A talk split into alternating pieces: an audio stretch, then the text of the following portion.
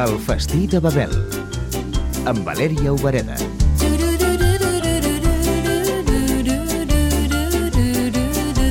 Algo que no falta en, en la comida de Nueva Zelanda es el marisco fresco, el pescado. Morgan Palmer Hubbard va néixer a Londres, però als 3 anys se'n va anar a viure a Auckland, la ciutat més gran de Nova Zelanda.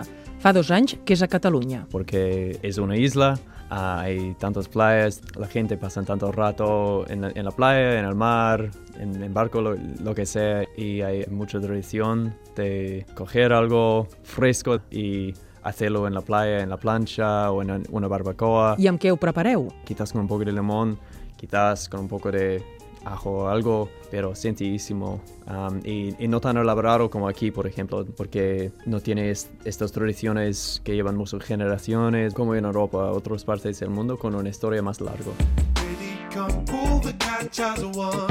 Veig, doncs, que no us compliqueu la vida a l'hora de cuinar. Para mí es, es una de las cosas mejor de la comida de Nueva Zelanda, que es más sencillo, pero más fresco, y, y especialmente en la comida del mar. Se llama kai moana. Fins ara hem parlat molt de productes del mar, però la carn de Nova Zelanda també és famosa. Hay tantos corderos en, en Nueva Zelanda. Cuando yo era niño teníamos 60 millones en, en el país y solo 3 millones de habitantes. Entonces, 20 corderos para cada persona. Hoy en día creo que es más como 10 corderos para cada persona. No, no sé qué hemos hecho, si, si hemos comido todo, o... pero sí, mucho cordero. También la ternera, bastante popular, pollo, pero de una calidad bastante buena porque es una parte de, de la economía bastante importante. I la llet no es queda enrere.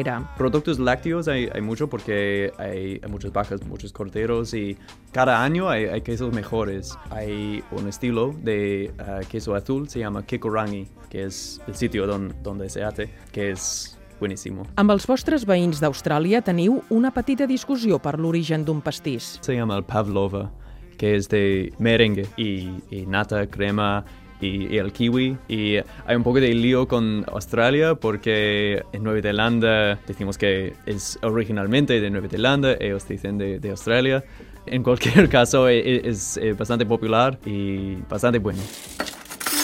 El menú. Avui apostem per l'original manera de cuinar dels maoris. El hangi um, es una manera de cocinar indígena. Se usa piedras muy muy calientes, como un, un horno en la tierra, con, con, la comida embalada en hojas de plantas o papel de, de aluminio. Patatas, boniato es bastante importante en la cocina maorí y la carne también, que está cocinando lentamente durante algunas horas. Puedes cocinar para unos cuantos de cientos de personas. Bon profit, Morgan. Cheers.